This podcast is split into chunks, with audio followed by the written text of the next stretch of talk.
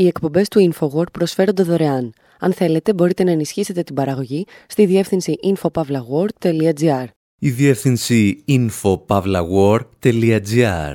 Η εκπομπή InfoWord με τον Άρη Χατζηστεφάνου.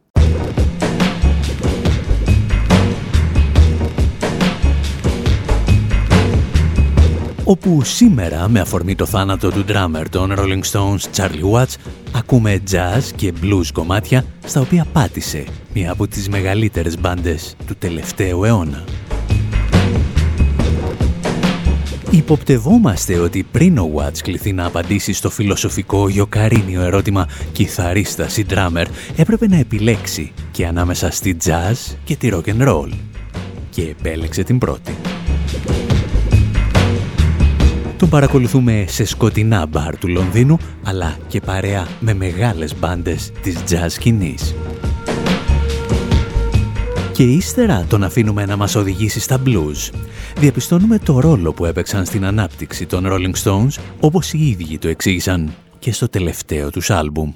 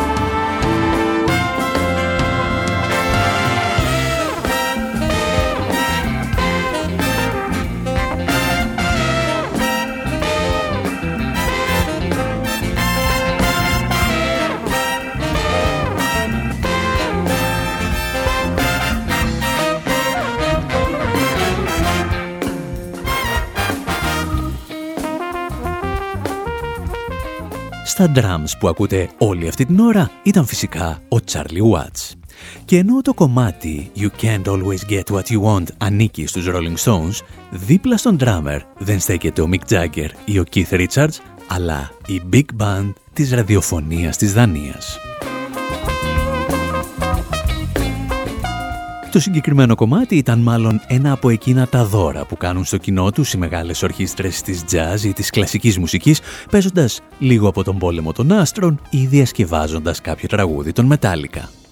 Σε εκείνη τη συναυλία του 2017 όμως, ο Charlie Watts ήθελε να παίξει jazz.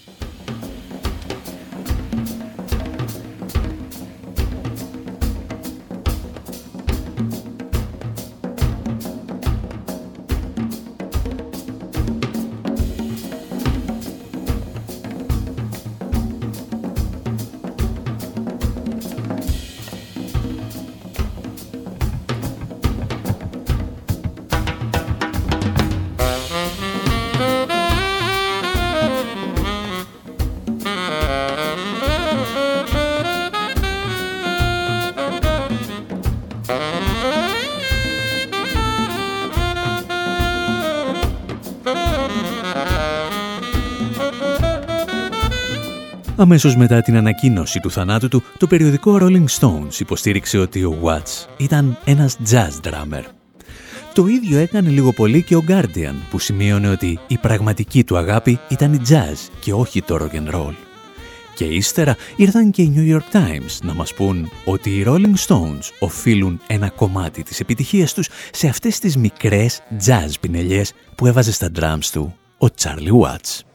Uh, ladies and gentlemen, we would like a welcome to the bandstand for Charlie Watts and his tribute to Charlie Parker.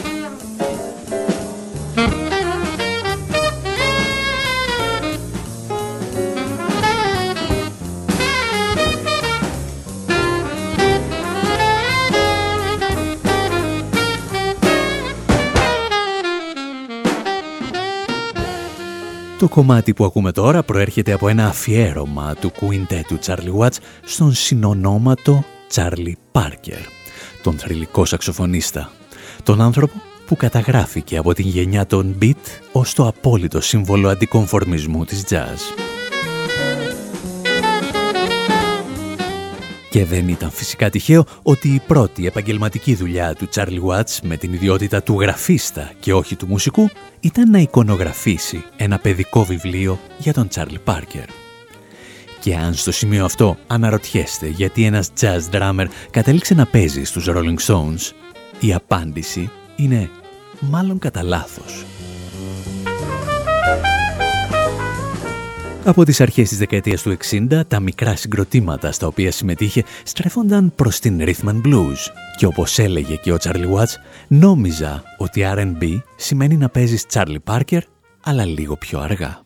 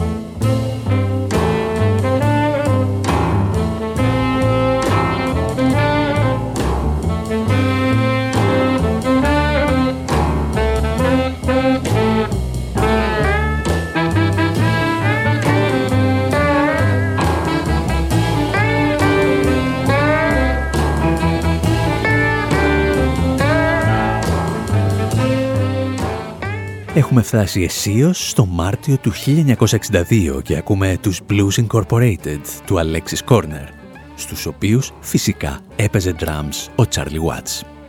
Το συγκρότημα οργάνωνε τότε βραδιές rhythm and blues στο Λονδίνο και ανάμεσα στους θαμώνες συναντούσες κάτι παιδιά σαν τον Mick Jagger, τον Keith Richards, τον Eric Clapton και τον Rod Stewart. Και κάπως έτσι ο Τσάρλι θα γνωρίσει τον Μικ και τον Κιθ, οι οποίοι νόμιζαν ότι θα έφτιαχναν μία μπάντα που θα έπαιζε αποκλειστικά blues και θα ονομαζόταν The Rolling Stones. Πέτυχαν δηλαδή το όνομα, αλλά όχι το είδος της μουσικής που θα τους καταξίωνε.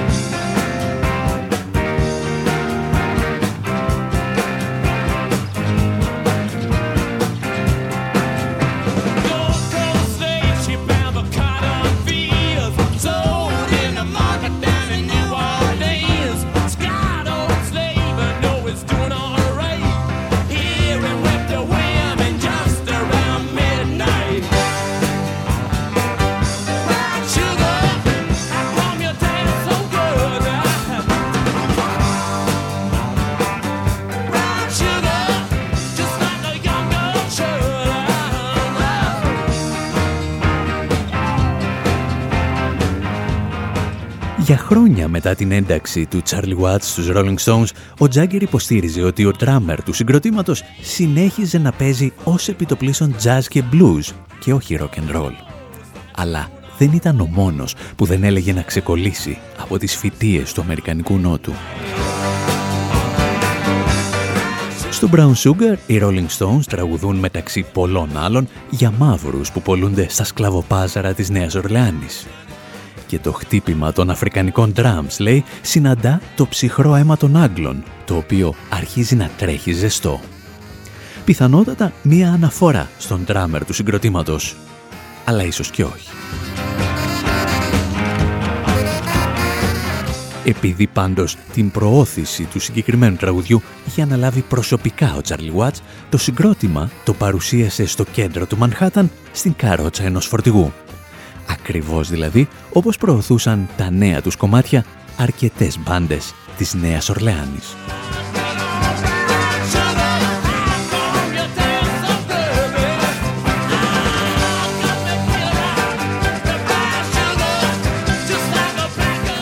χάρη και στον drummer τους, οι Rolling Stones δεν θα ξεχάσουν ποτέ τις blues, αλλά ακόμη και τις jazz ρίζες τους.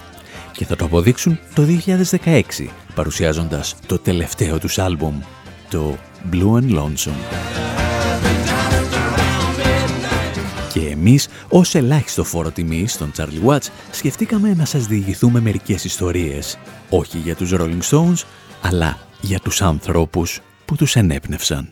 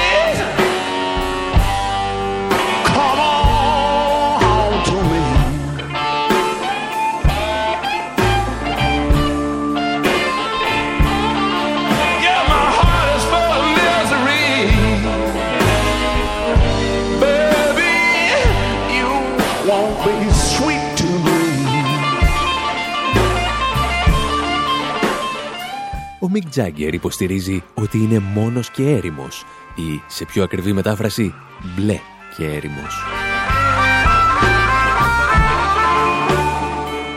Ορισμένοι υποστηρίζουν ότι ο όρος blues προέρχεται από ένα έργο που έγραψε το 1798 ο Άγγλος δραματουργός George Collam με τίτλο «Μπλε διάβολη». Κάτι πλάσματα δηλαδή που σύμφωνα με το μύθο προκαλούσαν κατάθλιψη και μπορεί για τη συγκεκριμένη εξήγηση του όρου να μην βάζουμε και το χέρι μας στη φωτιά, το βέβαιο όμως είναι ότι μέχρι το 19ο αιώνα η λέξη blues στις Ηνωμένες Πολιτείες είχε συνδεθεί με τον αλκοολισμό και την παρακμή που τον συνοδεύει. Για να καταλάβετε όμως τι ακριβώς σημαίνει παρακμή από το αλκοόλ, καλό θα ήταν να ακούσετε την αρχική εκδοχή του τραγουδιού που διασκευάζουν οι Rolling Stones, Blue and Lonesome από τον Little Walter.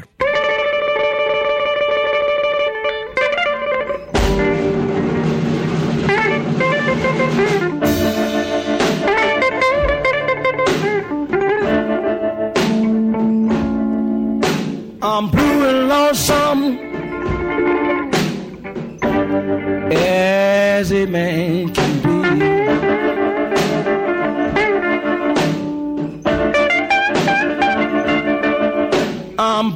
lonesome oh, as a man can be.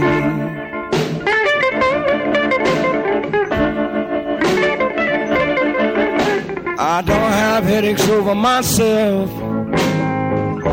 My love is gone away from me.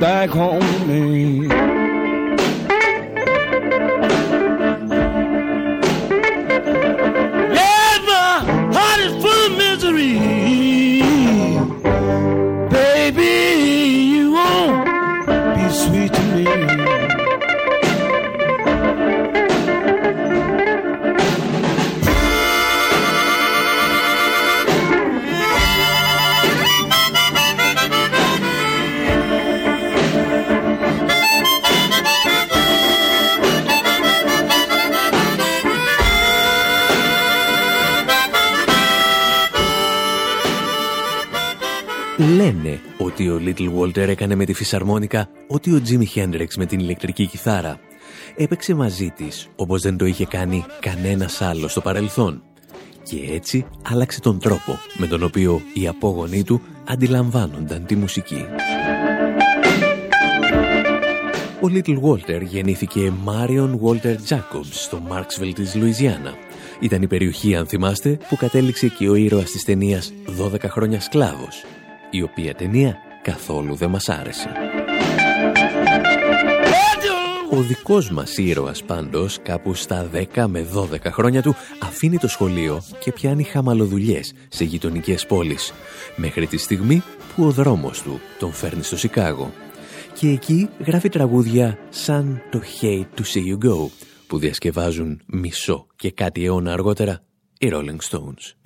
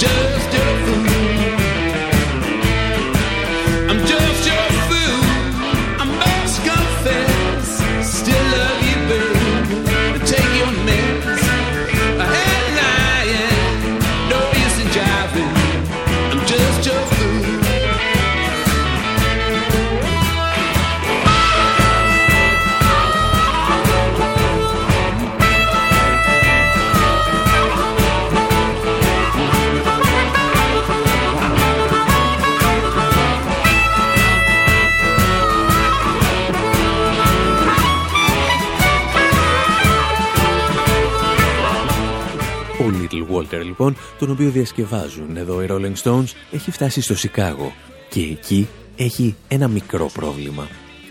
Τον εκνευρίζει λέει ότι οι ηλεκτρικές κιθάρες ακούγονται πιο δυνατά από τη φυσαρμόνικά του. Παίρνει λοιπόν ένα μικρόφωνο και σχεδόν το ακουμπάει στη φυσαρμόνικα ενώ παίζει. Και η δική του πρωτότυπη εκδοχή ακούγεται κάπως έτσι.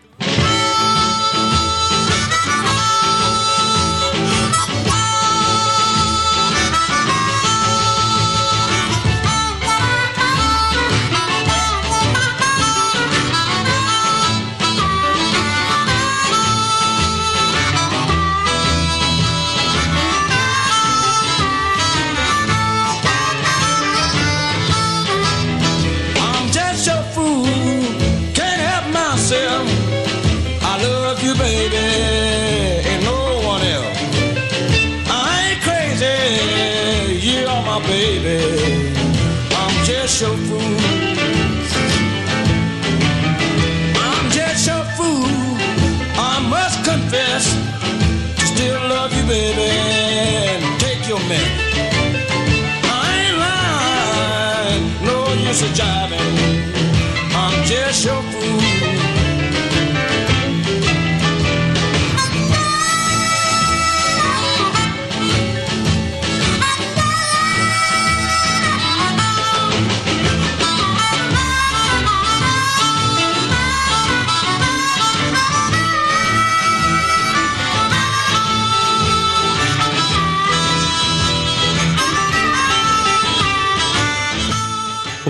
Little Walter πειραματίζεται ακόμη και με τις παραμορφώσεις που προκαλεί ο πρωτόγονος ενισχυτής του, όπως πειραματίζεται και με τις παραμορφώσεις που προκαλεί στη ζωή του το αλκοόλ. Διαρκώς μεθυσμένος και οξύθυμος μπλέκει συνεχώς σε καυγάδες που τελικά θα του κοστίσουν τη ζωή. Το Φεβρουάριο του 1968 πλακώνεται για μια τελευταία φορά στα παρασκήνια ενός κλαμπ στο Σικάγο. Θα τον βρουν νεκρό το επόμενο πρωινό στο σπίτι της κοπέλας του ή τουλάχιστον της κοπέλας που τον είχε φιλοξενήσει εκείνο το βράδυ. Και οι Rolling Stones μπορούν πλέον να τραγουδήσουν για αυτόν, ύστερα από σχεδόν 50 χρόνια, το Hate to See You Go.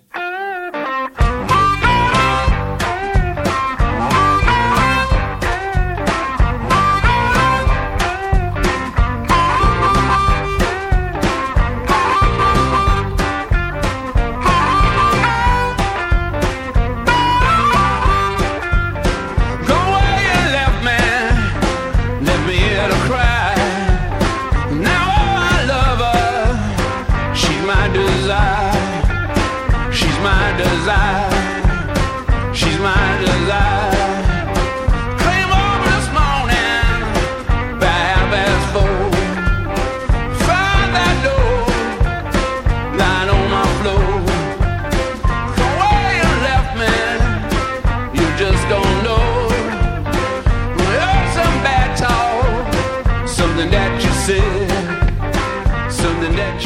εκπομπή Infowar με τον Άρη Χατζηστεφάνου παρακολουθούμε την εξέλιξη των blues στην πορεία τους προς τα μεγάλα αστικά κέντρα και κυρίως στο Σικάγο.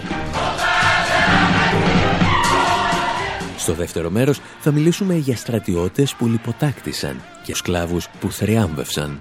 Θα παρακολουθήσουμε εκείνη τη λευκή γραμμή του Δευτέρου Παγκοσμίου Πολέμου που θα κόψει το νήμα των blues από τα τραγούδια εργασίας σε κάτι ποιοτικά διαφορετικό.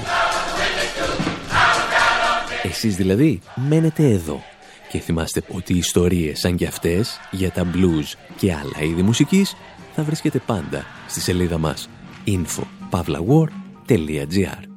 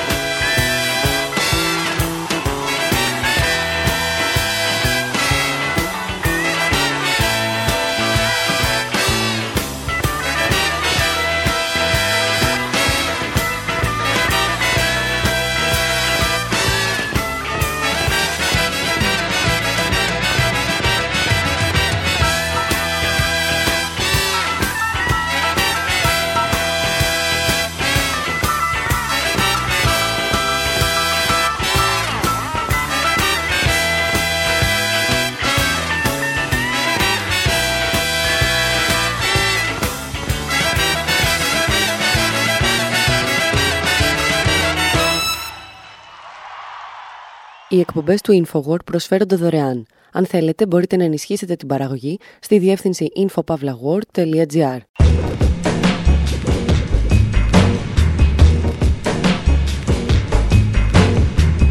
Εκπομπή InfoWord, μέρος δεύτερο. Όπου με αφορμή την τελευταία δουλειά των Rolling Stones, πιάσαμε την ιστορία των blues. Ξεκινήσαμε από τα χωράφια των μαύρων σκλάβων, αλλά και των φυλακών και περάσαμε από το Μισισιπί στο Σικάγο. Και έχει έρθει η στιγμή να μιλήσουμε για τους ανθρώπους που άλλαξαν για πάντα την μουσική ιστορία των Ηνωμένων Πολιτειών και ολόκληρου του πλανήτη. Πάντα με αφορμή μια διασκευή των Rolling Stones, όπως εδώ που ο Mick Jagger πιάνει στο στόμα του ένα τραγούδι του Willie Dixon. I can't quit you baby.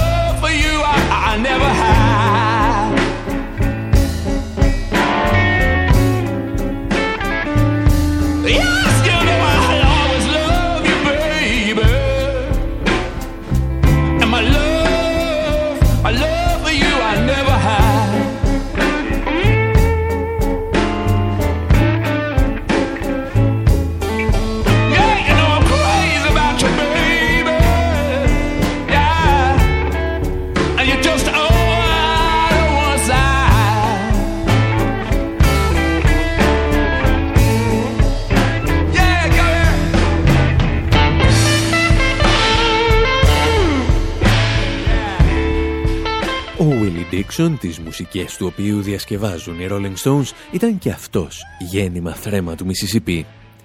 Η πόλη στην οποία μεγάλωσε μάλιστα, το Vicksburg, ήταν ένα από τα προπύργια της Ku Klux Klan, αλλά και αρκετών ακόμη ρατσιστικών παρακρατικών οργανώσεων.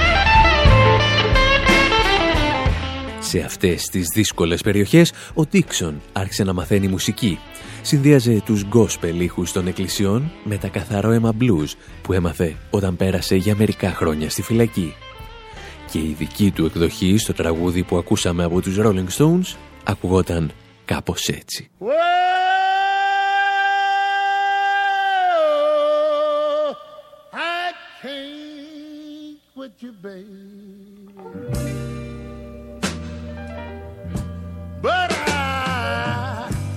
To put you down a little while.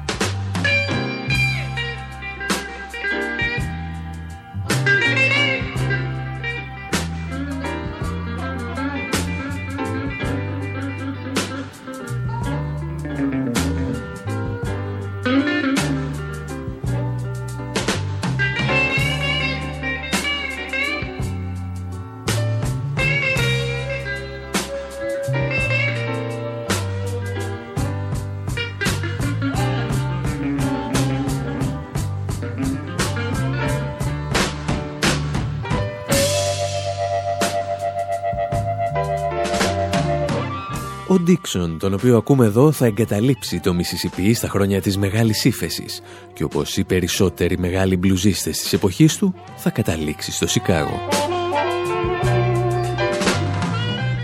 Και επειδή ήταν και μεγάλο αγόρι με ύψος 1,98 και βάρος 115 κιλά, ασχολήθηκε και με τον box. Τα χρόνια περνούσαν, η οικονομική κρίση δεν έλεγε να φύγει παρά τα κεινσιανά γιατροσόφια του Προέδρου Ρούσβελτ και οι Ηνωμένες Πολιτείες εισήλθαν στο Δεύτερο Παγκόσμιο Πόλεμο. Και τότε ο Ντίξον θα καταλήξει και πάλι στη φυλακή, αυτή τη φορά ως αντιρρησία συνείδησης. «Δεν θα πολεμήσω εγώ», έλεγε, «για ένα έθνος που θεσμοθετεί το ρατσισμό και τον εισάγει στους νόμους του». Όταν θα βγει πάντως από τη φυλακή, είναι έτοιμος να αλλάξει για πάντα τη σκηνή των blues του Σικάγου, με τραγούδια όπως αυτό.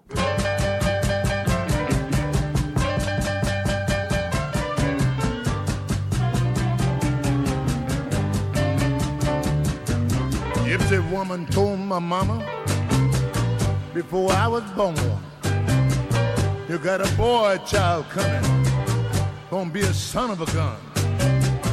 Gonna make these pretty women jump and shout. And the world will wanna know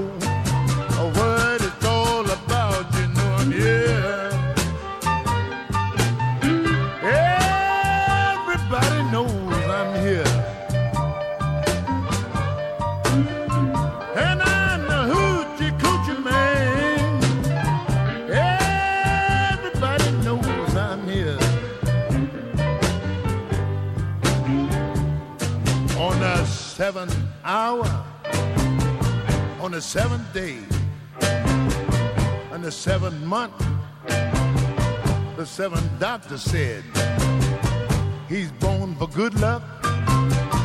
And I know you see, got seven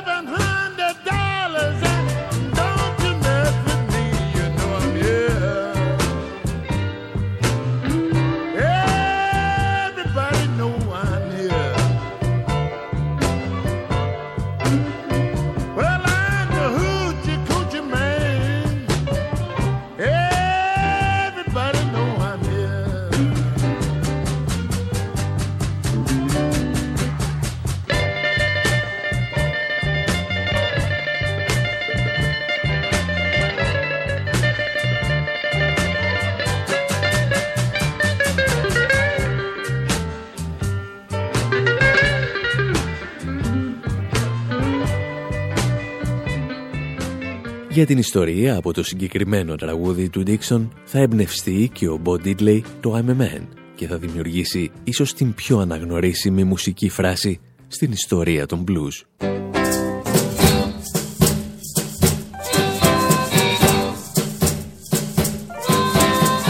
Now when I was a little boy at the age of five I had something in my pocket keep a lot of folks alive. Now I'm a man, May 21. You know, baby, we can have a lot of fun. I'm a man. I spell M A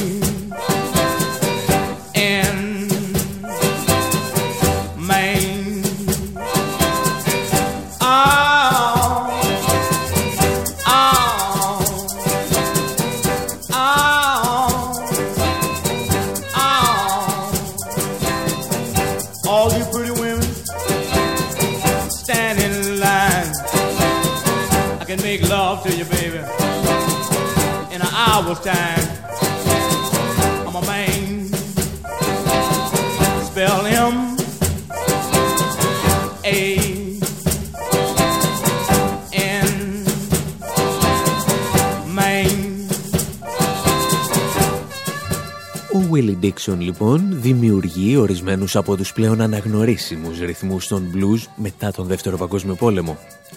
Η λεγόμενη μεταπολεμική σκηνή του Σικάγου γνωρίζει τη δική της αναγέννηση, αφού πρώτα θα εγκαταλείψει τα θέματα που την ενδιέφεραν στο Δέλτα του Μισισιπή, τις συνθήκες εργασίας, τη σκλαβιά και την εκμετάλλευση από τους λευκούς γεωκτήμονες. Bring back the second cousin. Ο αντικομφορμισμός παραμένει, αλλά πλέον σχετίζεται όλο και συχνότερα με τη μικρή και μεγάλη παραβατικότητα. Εγκλήματα για τα οποία τραγουδούν και οι Rolling Stones.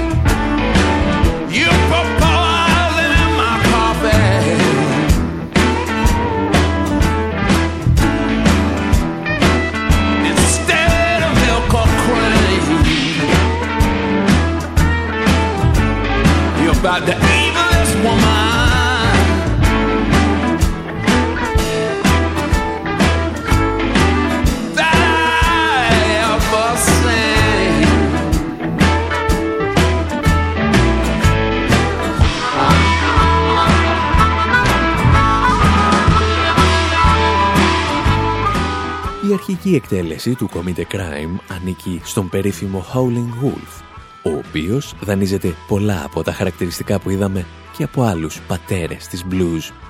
Κατάγεται και αυτός από το Mississippi, είναι γιγαντόσωμος και ζυγίζει περίπου 120 κιλά. Ο Howling Wolf, δηλαδή ο ουρλιάζων λύκος, είχε την ατυχία να βαφτιστεί Chester Arthur προς τιμήν του 21ου Προέδρου των Ηνωμένων Πολιτειών. Απόδειξη ότι το να δίνεις στα παιδιά σου ονόματα ανθρώπων που υποτίθεται ότι θαυμάζεις, ενώ στην πραγματικότητα δεν έχεις καμία σχέση μαζί τους, δεν σημαίνει απολύτως τίποτα. Ευτυχώς για το δικό μας ήρωα πάντως, ο παππούς του του έλεγε ιστορίες για λύκους που ουρλιάζουν και το παιδί απέκτησε ένα φυσιολογικό όνομα, όπως το ουρλιάζον λύκος. Και αυτός ο λύκος ακουγόταν ως εξής.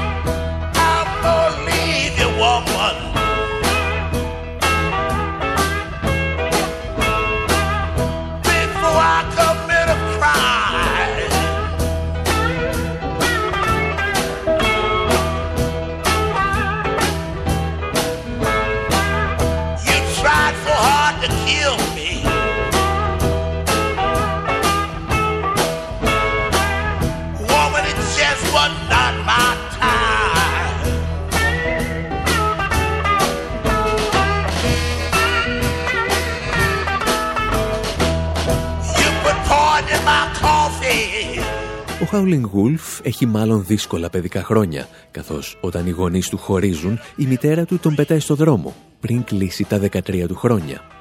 Αρνείται, λέει, να δουλέψει στα χωράφια. Και αυτός, ύστερα από διάφορες περιπέτειες, λέγεται ότι περπάτησε 140 χιλιόμετρα με τα πόδια για να βρει τον πατέρα του.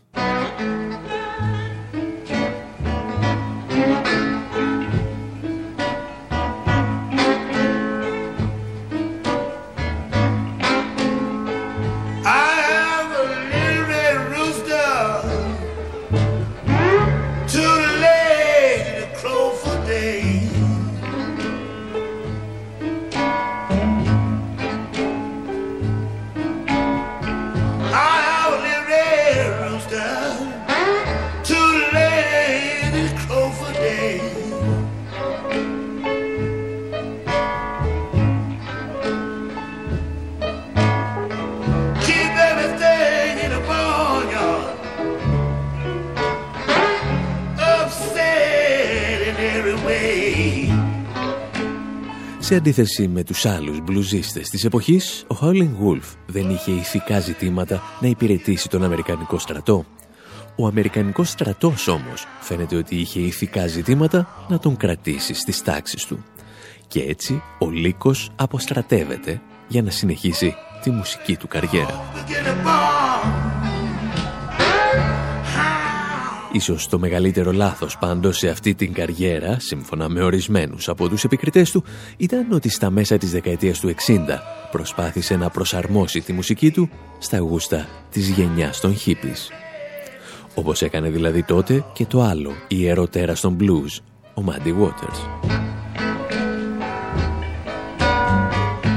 Δίσκοι δύο καλλιτεχνών που πήγαν άπατοι, συγκριτικά τουλάχιστον με προηγούμενες δουλειές τους.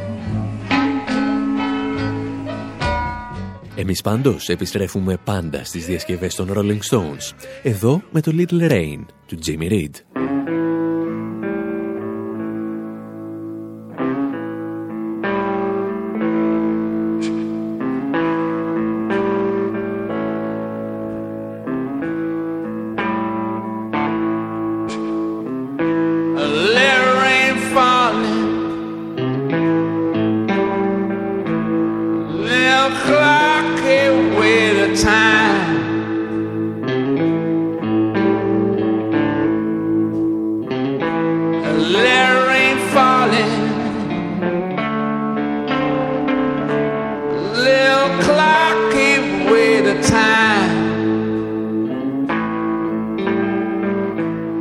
Ο Τζίμι Ρίντ, για να μην σας κουράζουμε με τα ίδια, γεννήθηκε και αυτός στο Δέλτα του Μισισιπί και έφτασε στο Σικάγο το 1943.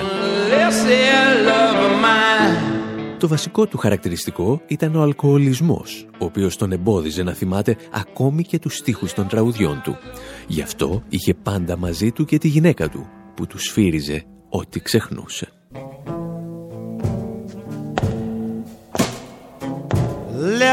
Falling, a little cloud keep away in time. A little rain falling, a little cloud keep away in time.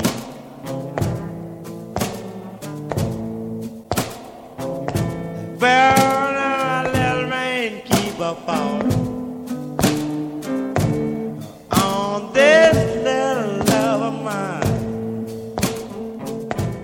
Παρά το γεγονός ότι ο Τζίμι Ρίντ είχε γράψει περισσότερα επιτυχημένα κομμάτια από αρκετούς διάσημους μπλουζίστες της εποχής, ο ίδιος έμενε πάντα στο περιθώριο.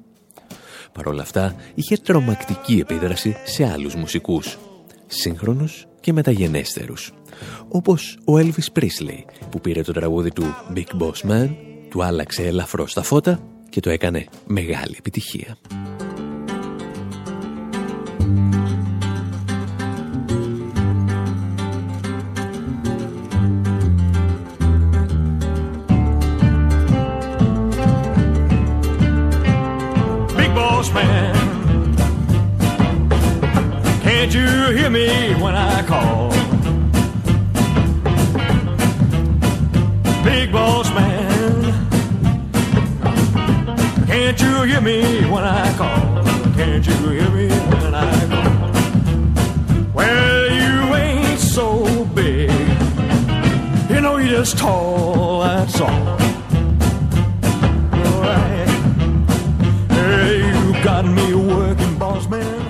Presley περιλαμβάνεται σε μια τεράστια λίστα μουσικών που διασκεύασαν τον Jimmy Reed, μεταξύ των οποίων οι Animals, οι Grateful Dead, ο Van Morrison και ο Bill Cosby. Και αν καμιά φορά βρεθείτε σε συναυλία του Neil Young και δεν ξέρετε τι ακούτε πριν βγει στη σκηνή ο καλλιτέχνης, πιθανότατα είναι κάποιο κομμάτι του Jimmy Reed. Εμείς πάλι επιστρέφουμε για να κλείσουμε αυτή τη φορά στους Rolling Stones και το Everybody Knows About My Good Thing, το οποίο δανείζονται από τον Little Johnny Taylor.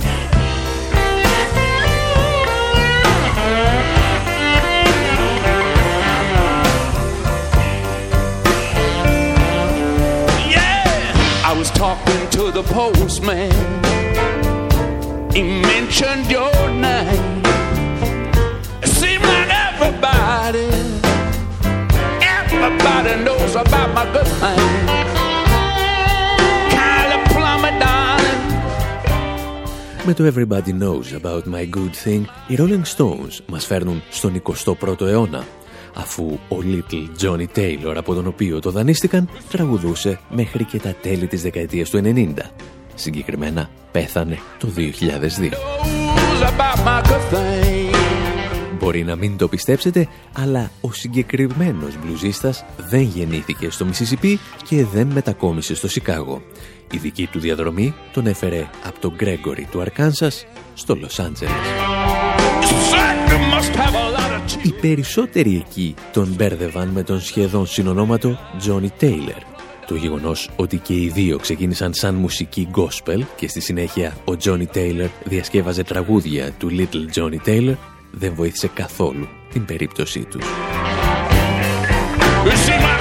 Ο δικός μας πάντως Little Johnny Taylor που ακούσατε προηγουμένως από τους Rolling Stones ακουγόταν κάπως έτσι.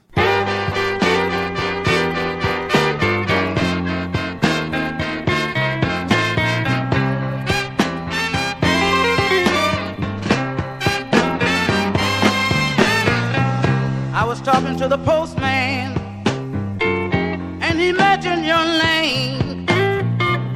Seemed like everybody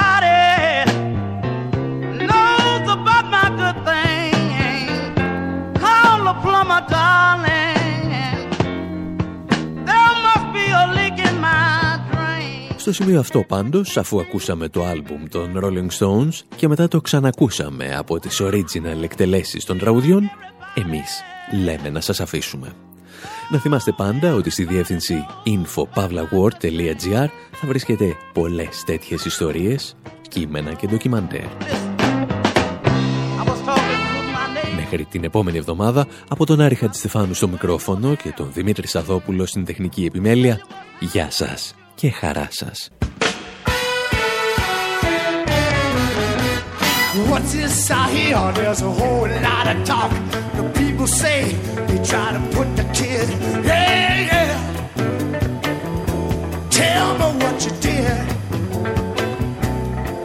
You can call it what you want. I call it messing with the kid. Now the kid plays hot, and hot don't I mean. I mean what I say.